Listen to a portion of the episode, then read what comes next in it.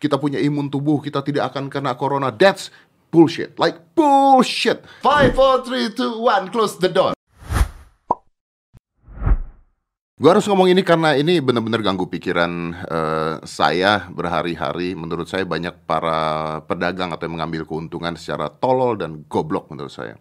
Gini, uh, kita harus pinter lah dalam situasi seperti ini. Uh, anyway, gue akan ngomong sendirian saat ini, tapi this is very important berapa hari yang lalu itu bukan berapa hari yang lalu dari berapa minggu yang lalu itu setelah corona itu merebak di Indonesia atau COVID-19 satu hal yang gue perjuangkan adalah untuk menutup gym saya pribadi. Jadi gue punya gym uh, Corbusier Osborne dan gue uh, sangat ingin agar itu ditutup segera pada saat itu. Dan akhirnya uh, setelah berdebat dengan pihak mall dan sebagainya kita berhasil menutup uh, hampir semua bahkan sekarang semuanya akan ditutup sudah uh, gym saya Kenapa gymnya saya tutup begini? Walaupun banyak sekali gym-gym lain yang maksa untuk buka dan mengkampanyekan bahwa kalau gym itu bagus untuk menjaga kesehatan tubuh, meningkatkan imunitas tubuh, mencegah corona. That's bullshit, oke? Okay? Bullshit. Jadi buat kalian yang mendengarkan ada fitness influencer, saya nggak nyalahin mereka karena mungkin itu kerjaan mereka. Tapi let's think lah, kita jangan bodoh-bodoh banget gitu. Ya memang gym itu memang tujuannya udah menyehatkan kita, tujuannya untuk menyehatkan kita. Oleh karena itu gue tutup gym gue, tujuannya adalah untuk menyehatkan member-member gue supaya mereka tidak terkena. Ada yang bilang bahwa gue bisa bikin gym itu uh, bersih dari corona dengan dis disinfektan berkali-kali. Nggak bisa, nggak bisa bro, tidak bisa. Kenapa? Karena satu, ada kemungkinan bahwa virus ini airborne, yang artinya dia bisa ada di udara dari kelembapannya. Ya, jadi itu tuh ringan sekali. Jadi dia nggak langsung turun kena gravitasi bumi. No, dia stay dulu di udara. Makanya sekarang ya distance jaga jarak atau social distancing. Anyway, WHO sudah tidak mau menggunakan kata social distancing, tapi physical distancing, artinya fisik kita yang berjauhan, bukan sosial kita ya, karena sosial kita bisa pakai uh, semua gadget yang kita punya, sosial media, WhatsApp dan sebagainya itu masih bisa. Artinya sekarang anyway itu sudah empat setengah meter katanya. Nah sekarang kalau gym, gym itu mau dis disinfektan sekarang ya terus ada orang baru masuk yang bawa covid ya dia naruh keringetnya di sana habis itu orang baru masuk lagi sebelum di disinfektan lagi ya tetap aja kena orangnya that's why gue mengupayakan sebisa mungkin untuk menutup gym gua walaupun ruginya pasti besar-besaran. Walaupun gua kecewanya gede-gedean, walaupun banyak pegawai yang harus dipulangkan pada saat itu.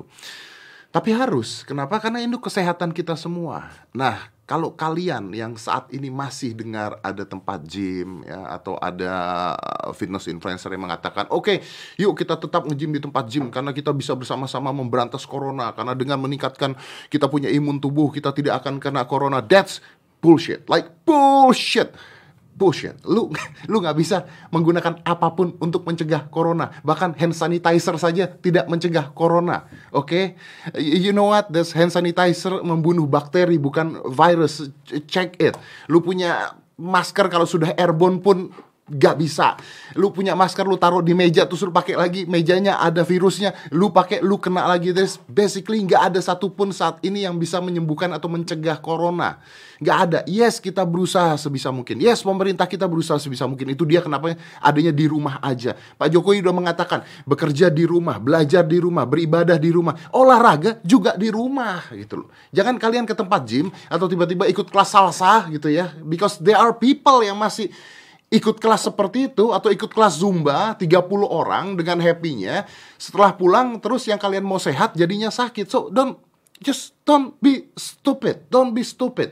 Again gue nggak punya masalah dengan mereka yang mau buka sampai sekarang dan sebagainya silahkan. Tapi I need to educate these two people. Gue harus ngasih pendidikan ini ke orang-orang karena kalau enggak, kalian bukan jadi sehat tapi jadi sakit dan kalian di, tertipu dengan janji-janji manis yang mengatakan dengan olahraga. No, pemain basket yang main basket setiap hari, atlet itu kena. Itu kena. Cuman gara-gara ada megang-megangin mikrofon orang doang, kena. Dan itu atlet ya. Itu orang yang olahraganya hampir tiap hari. Nah, lu. Eh, yang ke gym cuman buat foto-foto buat di Instagram doang. Terus lu ngarepin dengan ke gym terus olahraga terus lu nggak kena. Eh, kena kena kena gua kalau bisa nggak keluar dari rumah gitu tapi saya punya kewajiban untuk ke studio karena ada acara hitam putih masih harus ada untuk masyarakat. Makanya ada kata-kata biarin kita bekerja untuk masyarakat, menghibur masyarakat, masyarakat di rumah aja. Di rumah aja. Saya latihan sekarang udah di rumah. Saya nge-gym udah di rumah. Kalian juga bisa kok latihan di rumah dan ingat di rumah itu bukan artinya tuh kalian ngendon. Oke? Okay? Tahu ngendon nggak kalian? Kayak empon-empon tapi ini bahasa bedanya. Ngendon ngendon tuh artinya kayak bebek lagi bertelur diem ya kecupluk gitu ya. Nggak ngapa-ngapain tuh namanya ngendon oke? Okay? ngendon ngendon diem aja gitu. Ngendon namanya. Jangan ngendon. Jangan lu cuma nonton TV doang di rumah udah TV juga isinya alay-alay lu tontonin kan bodoh kan? Jangan jangan ngendon jangan. Lu tau nggak di Cina setelah apa namanya diisolasi setelah lockdown tahu berita apa yang paling menarik? Berita yang paling menarik adalah sekarang banyak sekali keluarga di Cina suami istri yang bercerai. like seriously, bercerai gara-gara di lockdown. Ya, karena akhirnya sekarang mereka tiap hari ngeliatin tampang suaminya dan suaminya tiap hari ngeliatin tampang istrinya 24 jam penuh setiap hari selama lebih dari sebulan. Apa yang terjadi? Cerai.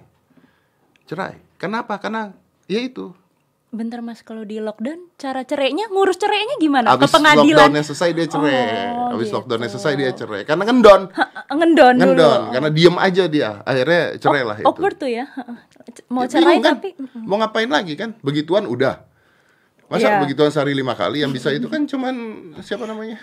Barbie Kumalasari. Betul. Yang orang lain nggak Jangan bisa. dibawa-bawa dong yang itu udah lama. Iya nggak apa-apa teringat. Nah, kalian bisa melakukan hal-hal yang positif ya. Contohnya adalah buku banyak yang belum dibaca, baca buku. Bisa kan baca buku. Banyak buku-buku belum di- belum dibaca. Nonton YouTube eh, banyak pengetahuan-pengetahuan di sana. Olahraga di rumah kalian bisa push up, sit up, chin up. Beli dumbbell, apa pun pokoknya lakukan itu di rumah belajar sesuatu yang baru ya kalau kalian misalnya tadinya nggak bisa masak sekarang belajar masak yang kalian nggak bisa musik sekarang tetap nggak bisa musik karena itu bakat jadi jangan di rumah cuman ngendon doang. Yuk beraktivitas di rumah. Gua tahu bosannya seperti apa. Gua tahu bingungnya seperti apa. Karena gua sendiri di rumah pun eh, bingung dan bosan. Makanya gue setiap hari sekarang malah bagus. Gua di rumah itu sekarang tiap hari latihan olahraga tuh dua jam. Yang biasanya cuma satu jam sekarang gua latihan dua jam. Dan kadang-kadang ada yang sehari latihan dua kali kali dua jam. Karena gua nggak tahu mau ngapain lagi dibandingin gua ngendon nontonin TV doang atau nontonin Netflix. Kayaknya orang-orang juga nggak sadar ya kalau kalau misalnya mereka sekarang nggak pergi-pergi atau nggak ke mall tuh mallnya juga nggak akan tutup gitu. Kayak tetap berdiri, maksudnya tetap akan berbisnis setelah wabah Iya, tapi kadang-kadang kan. mall itu tidak boleh toko-tokonya tutup masalahnya.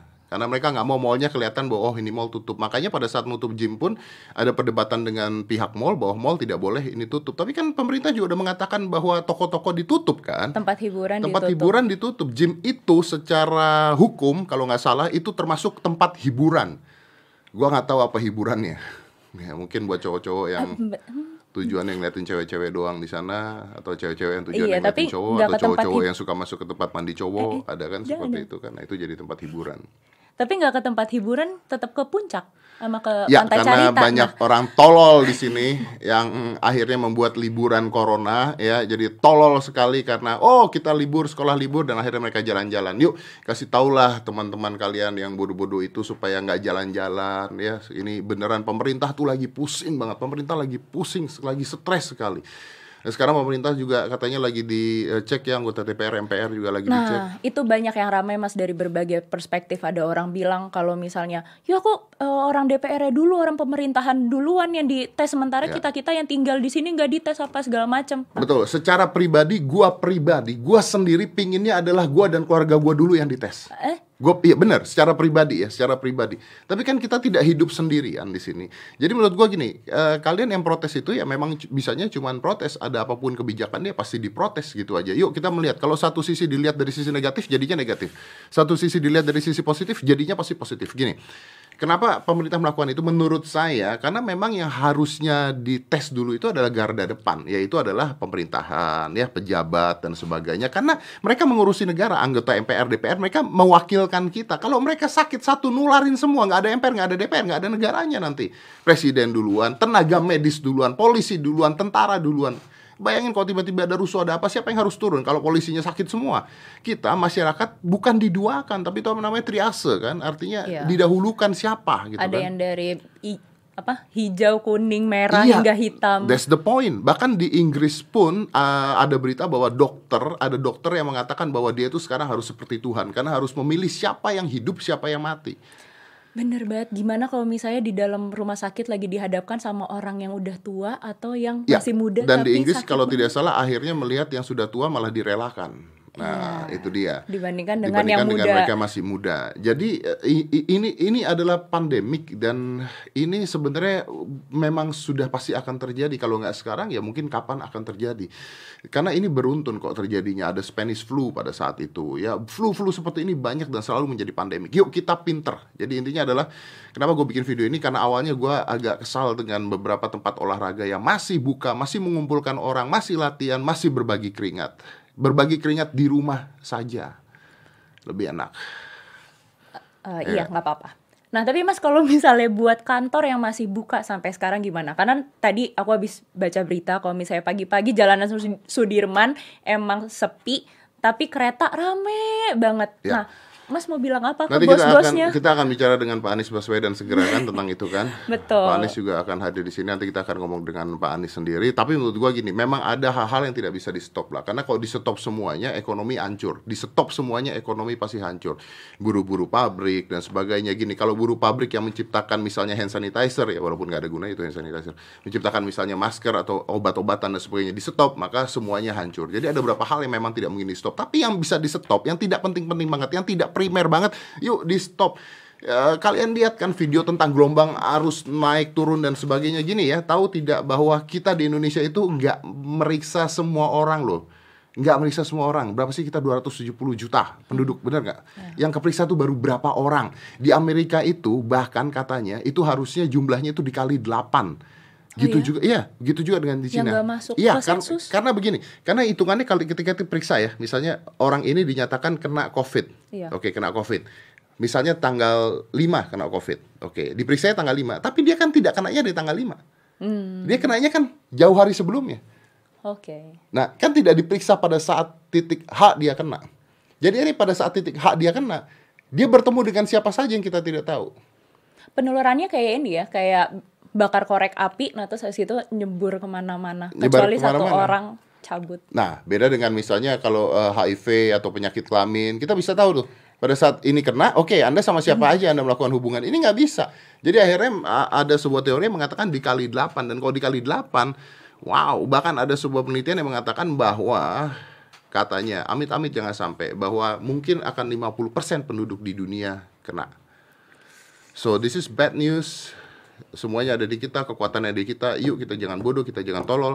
Kita bantu pemerintah kita, kita bantu diri kita juga. Let's stop this. Semua orang takut, gue juga takut. Gue juga nggak tahu, gue juga berharap tidak kena dan mudah-mudahan tidak menularkan orang. Kalau gue kena, mudah-mudahan gue nggak nggak nularin orang. Dan tingkat kematiannya di Indonesia hampir 10%.